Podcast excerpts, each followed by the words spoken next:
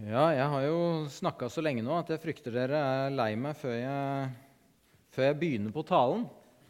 Men eh, vi får håpe dette kan gå, gå greit. Eh, ja, i dag skal vi eh, tale om misjon, eh, og vi skal høre om en Gud som sender. De første kapitlene i Bibelen vår det er fortellingen om mennesker som gjør opprør mot Gud. Eh, Bibelen begynner jo med, med skapelse, og så kommer fortellingene om mennesker som gjør opprør.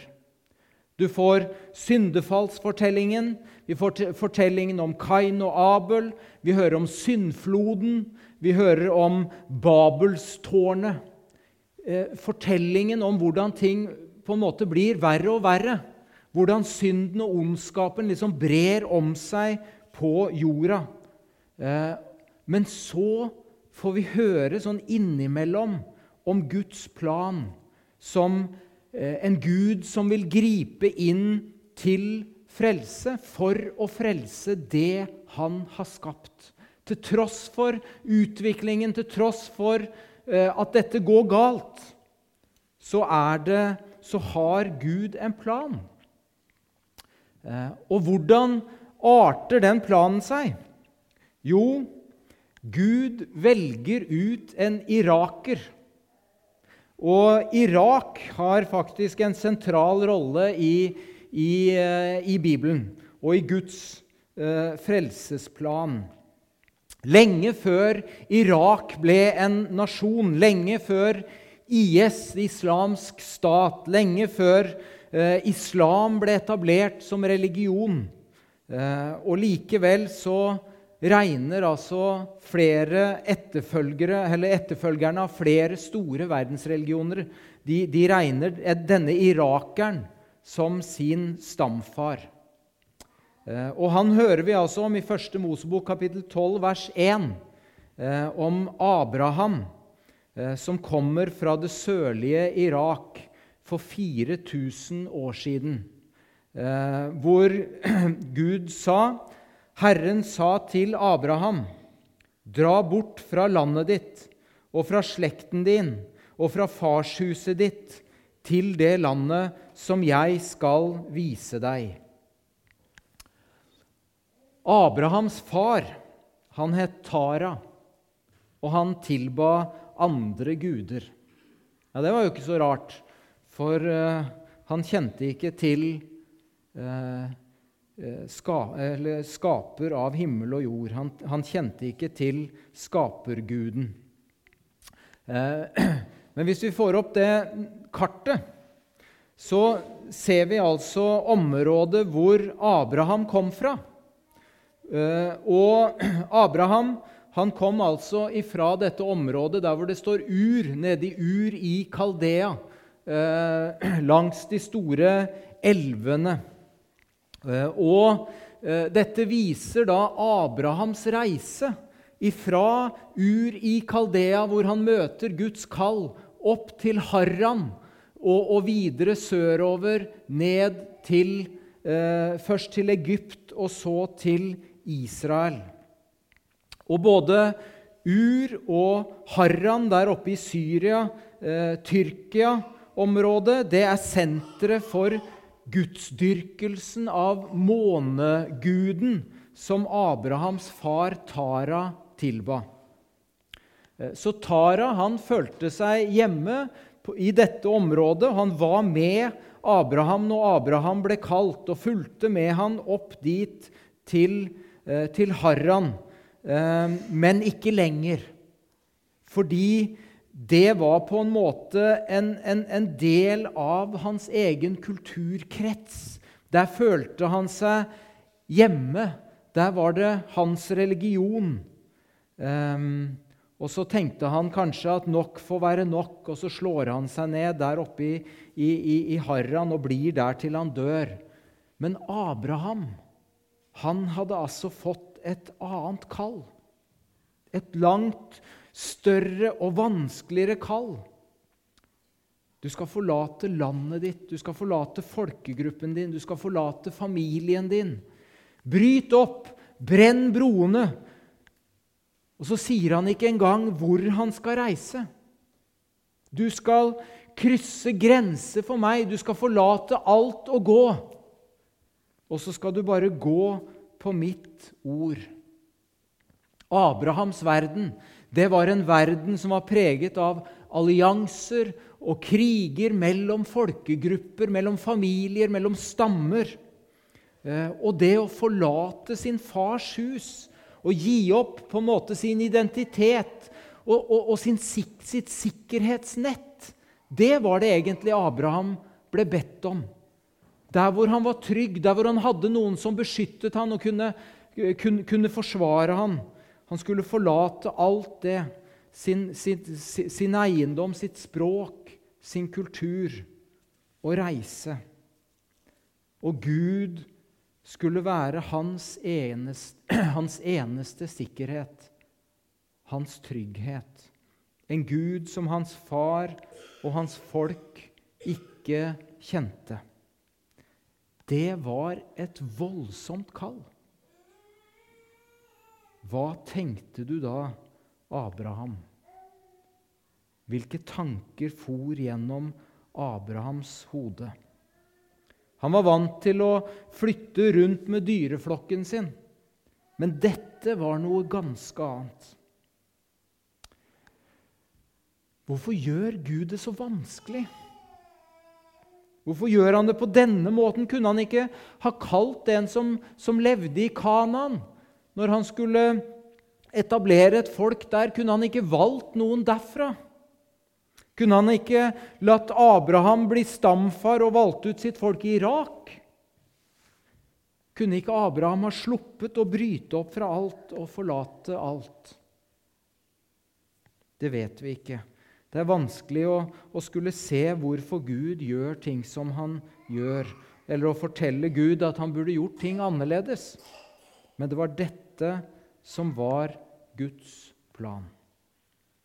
Heldigvis så knytter Gud et løfte til sitt kall. Han gir ikke bare ordren om å forlate alt og reise, men Gud lover å være med han og velsigne han. Hvis vi får den neste sliden, så står det i, videre i, i, i, kapittel 12, vers 2 og 3, så sier han Og jeg vil gjøre deg til et stort folk. Jeg vil velsigne deg og gjøre navnet ditt stort. Du skal bli til velsignelse. Jeg vil velsigne dem som velsigner deg, men den som forbanner deg, skal jeg forbanne. I deg skal alle slekter på jorden velsignes. Rett før fortellingen om Abraham så hører vi om folket i Babel. Og hva var det folket i Babel var opptatt av? Jo, de ville skaffe seg et navn. De ville få ære og berømmelse. De skulle bygge et tårn like opp til himmelen sånn at folk kunne ære dem og gi dem et navn og skryte av dem og, og tenke at det Wow! Folk i Babel, det er dyktige mennesker. Det er liksom top notch, altså. De ville, de ville ha seg et navn. Nei, sier Gud, disse folkene skal ikke få et stort navn. Abraham, derimot, det var han Gud hadde valgt ut. Deg vil jeg velsigne, sier Gud, og ditt navn vil jeg gjøre stort. Og ikke bare skal du høste velsignelse, men du skal bli til velsignelse for alle folkegrupper på jorden. Dette er en av de viktigste tekstene i hele det gamle testamentet og i israelsfolkets historie. Abrahams oppbrudd fra Ur i Kaldea det har blitt begynnelsen på israelsfolkets eh, eh, begynnelsen på israelsfolket og på deres historie. Og igjennom Det gamle testamentet så er jo Gud jødenes Gud. Men Gud diskriminerer altså ikke. Helt fra begynnelsen, helt fra utvelgelsen av Abraham, før israelittene var blitt et folk, så gjør Gud det klart. Alle folkeslag. Det er min plan. Det er min intensjon. Bryt opp, Abraham, for jeg har en plan med verden. For noen tiår tilbake så, så, arbeidet den internasjonale misjonsbevegelsen med, på en måte med å definere Bibelens mål, eller misjonens mål. Eh, og da fant man på en måte igjen dette bibelske prinsippet om at misjonens mål det er at lokale kirker må vokse frem blant alle folkeslag. Naboen din har bruk for Jesus, og du har et kall og et ansvar for å fortelle de menneskene rundt deg om Jesus. Men de minst nådde, de har primat hos Gud. Vi har et særlig ansvar for de menneskene som ikke har noen som forteller dem om Jesus. 60% av de ikke-kristne i verden i dag lever i områder hvor det ikke er nærkulturelle kirker, nærkulturelle grupper, som kan fortelle dem om Jesus. 60% av de ikke-kristne i verden i dag er helt avhengig av at det er noen som velger å sende noen til dem for at de skal få høre om Jesus. 25% av de ikke-kristne i verden i dag, en enorm gruppe mennesker, 25% er helt, har mindre enn 0,1% kristne i sin gruppe. Det er enorme tall, og vi kan bli blendet av misjonens suksess av misjonens fremgang, av kirkene som vokser i sør. Og så er det altså allikevel en stor gruppe av verdens befolkning som ikke har noen mulighet til å ta imot Jesus hvis ikke noen sender noen dit. Og så er samtidig tallene sånn at heldigvis så vokser antallet misjonærer i verden hele tiden. Eh, I, I, år er det omkring 450 000 langtidsmisjonærer i verden som reiser ut og, og, slår seg ned i et annet land og er der i minst to år. 450 000 sånne. Men 3% av de arbeider i de områdene hvor det er under 2% kristne.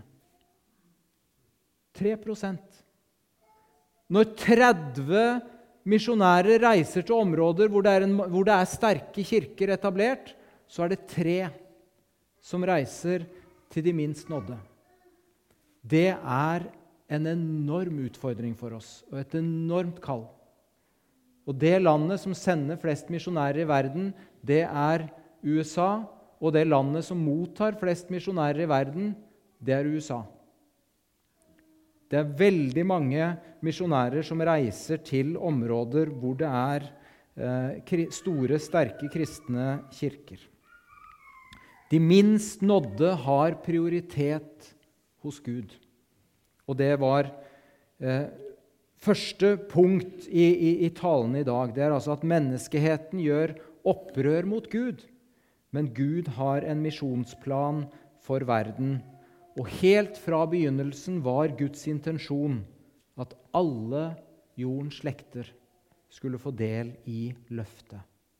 Og derfor sender Gud. Gud er en sendende Gud. Over 200 ganger står det i Det gamle testamentet at Gud sender. Og det fortsetter inn i Det nye testamentet. Gud sender Abraham til Kanan. Gud sender profeter til Israel.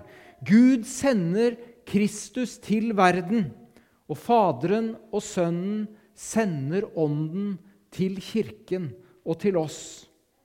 Og derfor sender, eh, derfor sender Kristus kirken ut i verden. Og derfor sender kirken Paulus til Europa. Og derfor sender vi misjonærer ut blant de minst nådde. Ordet misjon betyr å sende. Å sende. Og når det er Gud som sender, så er misjon ikke noe vi driver og skusler med som en sånn hobby eller noe vi driver med sånn på egen hånd fordi det er spennende eller interessant. Det er Gud som vil misjon. Det er Gud som tar initiativet. Det er Gud som kaller, og det er Gud som sender. Gud er misjonens herre. GTs misjonsbefaling i Jesaja-boka, kapittel 49, vers 6. Den lyder sånn Det er for lite for meg at du er min tjener som skal gjenreise Jakobs stammer og føre de bevarte av Israel tilbake. Jeg vil gjøre deg til et lys for folkeslag, så min frelse kan nå til verdens ende. Det er for lite for meg, sier Gud. Når jeg griper inn til frelse, så er det for lite for meg at det er for, for israelsfolket eller for, for, for, disse stammene der i Midtøsten. Det er for lite at vi har fått høre evangeliet. Min frelse må nå til jordens ende. Og det, dette budskapet her må ha tatt fullstendig pusten fra, fra omgivelsene når, når Gud åpenbarer seg på, på, denne måten for, for alle de andre gudene De var guder som hørte til en landsby, et folk, en familie. De var guder som hadde ansvaret for å gi god avling og sørge for neste høst osv. Og, og så er det altså i den konteksten at Gud står frem som skaper av himmel og jord, med et løfte om velsignelse som var uten grenser, uten presedens, utenkelig i omgivelsene. Det var ikke nok for Gud å være en lokal guddom. Alle måtte få tilgang til evangeliet. Og I Det nye testamentet så, så tar dette grensesprengende perspektivet det tar, det tar helt over. Og det blir i, i, i stadig større grad misjon som blir hovedsaken i Det nye testamentet. Matteusevangeliet begynner liksom med ettertavlene og forankringen hos stamfedrene, hos Abraham, hos Isak og Jakob.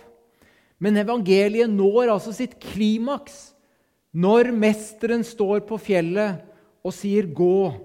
Meg er gitt all makt i himmel og på jord. Gå derfor ut det er klimakset i Matteusevangeliet. Han sender, han gir kommandoen til disiplene.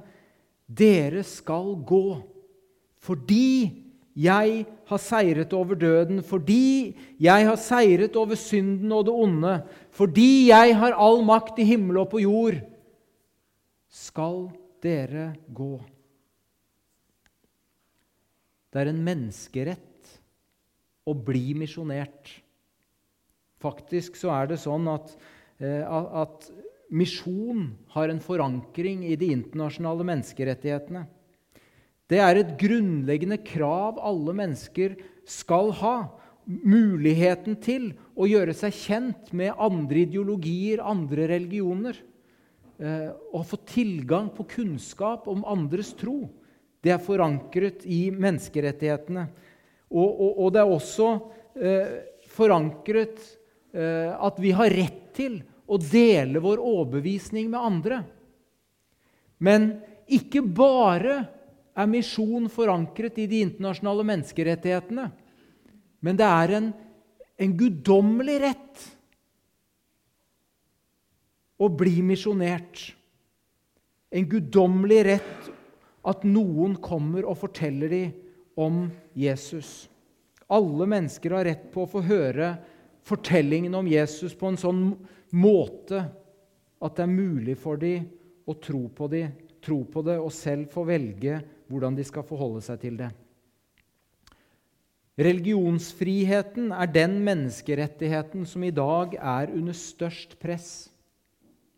I muslimske land, Syria, Irak, Nord-Afrika, Somalia Nord og, og, og, for så vidt Nord-Korea og mange andre land, så er, så, så er religionsfriheten under kraftig press. Men vi merker det også i, her i nord og i den sekulære Vesten, særlig Vest-Europa og Nord-Europa, at religionsfriheten stadig oftere blir satt på prøve. Og vi hører stadig stemmer på venstresiden i norsk eh, politisk liv som, som utfordrer at de som ikke deler majoritetsverdiene, at de ikke bør få statstilskudd. At de, de bør ha trangere kår i samfunnet. For 40 år siden så var ja, I hvert fall 50 år siden så var misjonæren en helt i vestlig kulturfortelling. Misjonæren var liksom den som brøt grenser, som var eventyreren, og som på vegne av oss andre gjorde, eh, gjorde noe godt mot mennesker som ikke hadde det så bra som oss. I dag så opplever jeg ofte at det å, å være misjonær og snakke om misjon, det er ubehagelig og kan skape negative reaksjoner.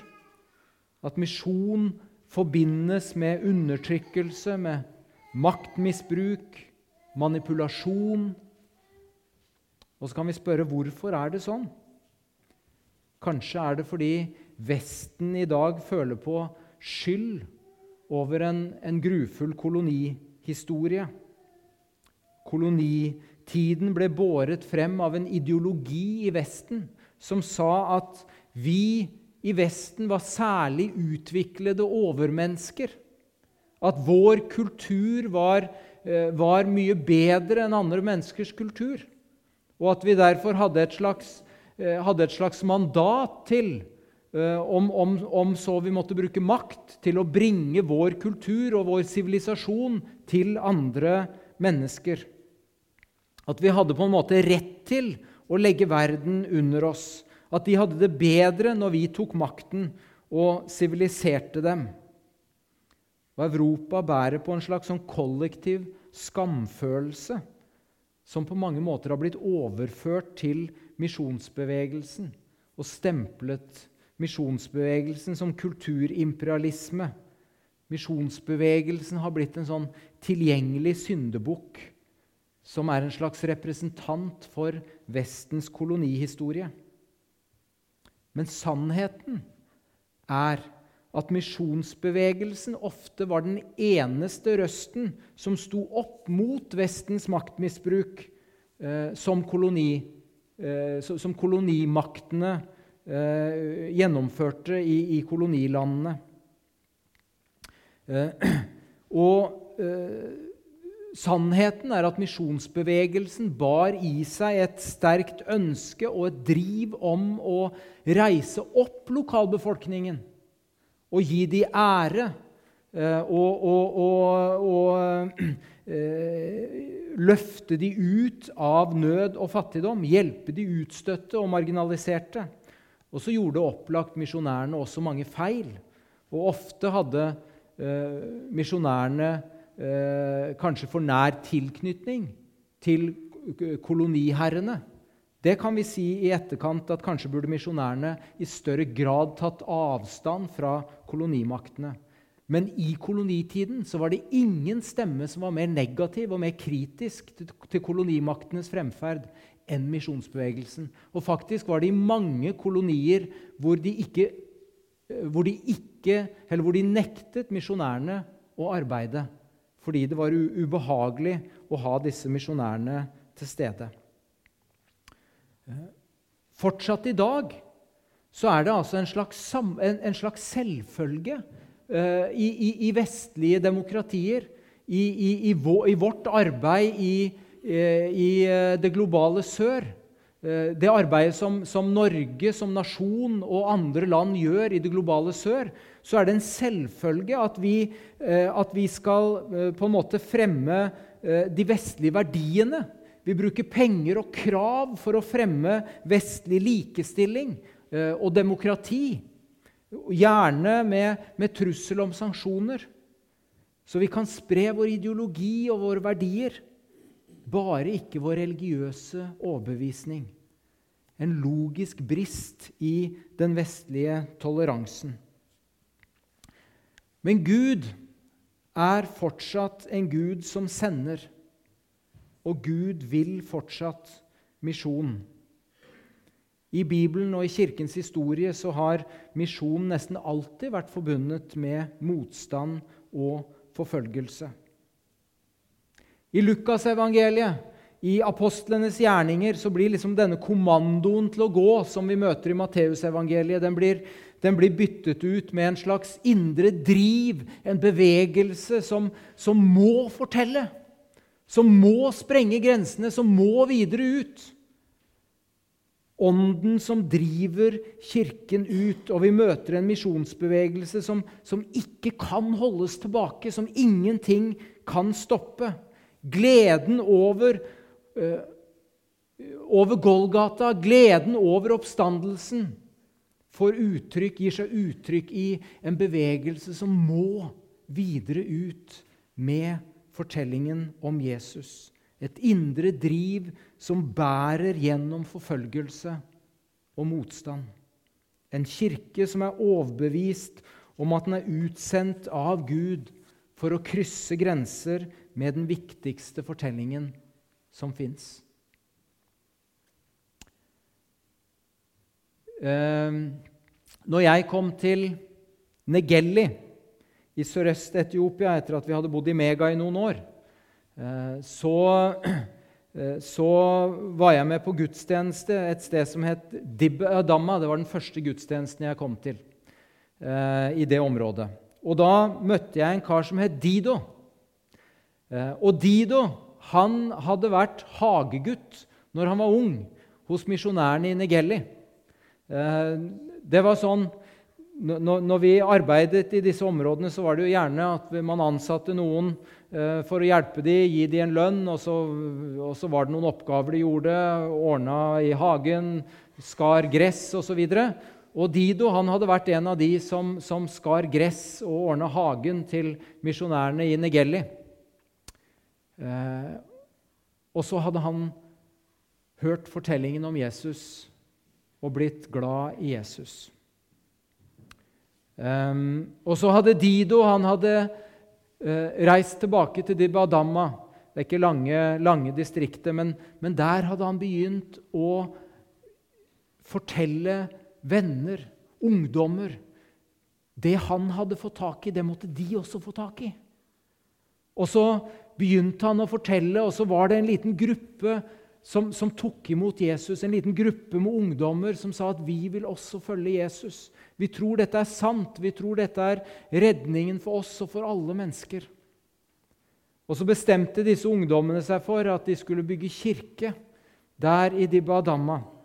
Og så de, eh, begynte de å bygge sånt, et lite tradisjonelt, eh, tradisjonelt hus som de skulle sette korset på taket.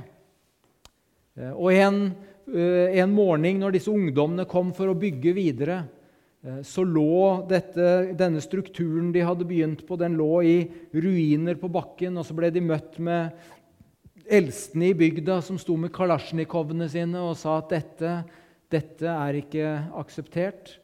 Vi er Borana-folk. Det er Borana-religionen som er vår religion. Og vi har ikke plass til andre religioner her hos oss og så rev de kirken til grunnen. Men Dido han var en driftig kar, så han tenkte det at da går jeg og tar kontakt med misjonærene. Og så spør jeg om de kan hjelpe oss med bølgeblikk, korkorro, for, for sånne uh, hus som hadde bølgeblikkplater på taket. Det var liksom skikkelige bygg og ordentlige hus og, og, og de, disse ungdommene tenkte at kunne vi få til det, da, da ser de lokale her at vi eh, Det er ikke bare noe vi ungdommene holder på, på med aleine. Og dessuten, så, dessuten så, så, kan de jo ikke ødelegge det når vi bygger et ordentlig hus. Eh, og så fikk de hjelp, og så var det noen som samla inn til bølgeblikkplater til dem. Og så begynte de å bygge en kirke med eh, ordentlig, noe som ligner på et ordentlig vanlig hus med bølgeblikk på taket. Eh, og igjen en morgen de kom for å bygge videre på dette huset, så sto eldstene der igjen og rev dette bygget ned. Vi skal ikke ha noen kirke i Dibba Adama. Og så tenkte Dido hva, hva gjør vi da? Um, jeg og, og, og, familien min vi bor jo ute i en åside utenfor Dibba Hvis jeg, jeg, jeg, får, jeg, får, bygge kirke i hagen min, altså i bak, bakhagen min. For der kan ingen bestemme. Jeg bygger, vi, vi, tar med oss det som er av materialer, og så bygger vi kirken der utenfor huset mitt, i hagen min. Der kan ha ingen rett til å komme og, og, og rive ned kirken. Og så bygde de kirken opp der oppe i, oppe i landsbyen, oppe i dalsiden utenfor. Når jeg kom til, kom til Negelli eh, og kom på gudstjeneste, så, kirken, så lå kirken fortsatt utenfor huset til Dido. Men de hadde bygd på den en gang til, og det var stufullt med folk inne i den kirken. Eh, forferdelig luft, men masse mennesker som lovsang Gud. Eh, og hvis du kommer til Dibba Adama i dag, så vil du kunne kjøre Så kommer du på hovedveien eh, som, som, som, går forbi eh, liksom dette senteret, sentrum i Dibba Adama. Og der står det en diger kirke midt i sentrum av denne lille byen. For når kirka til Dido ble for liten, og vi trengte å bygge ny kirke, så sa eldstene at dere kan velge hvor dere vil. Dere kan ta den beste tomta i hele området her og bygge kirke. For nå var alle eldstene blitt kristne. Fortellingen til Dido hadde spredt seg som en ild i Dibadama. Men Dido han var ikke der. For Dido han tenkte at her i Dibadamma her er det mange kristne. Men der, på grensen, helt lengst sør-øst, inn imot somalifolket, der er det ingen. Og der reiste Dido, 70 år gammel, reiste som evangelist inn og slo seg ned i det området lengst der ute fordi noen måtte få høre fortellingen om Jesus. Det er 2000 år siden Jesus sto opp fra de døde. Og likevel så er det over 85% av de ikke-kristne i verden som ikke kjenner én kristen. I dag inviterer Gud oss til å være med på det aller viktigste det viktigste noe menneske kan bruke livet sitt til. Å være med i hans store misjonsplan med verden. Amen.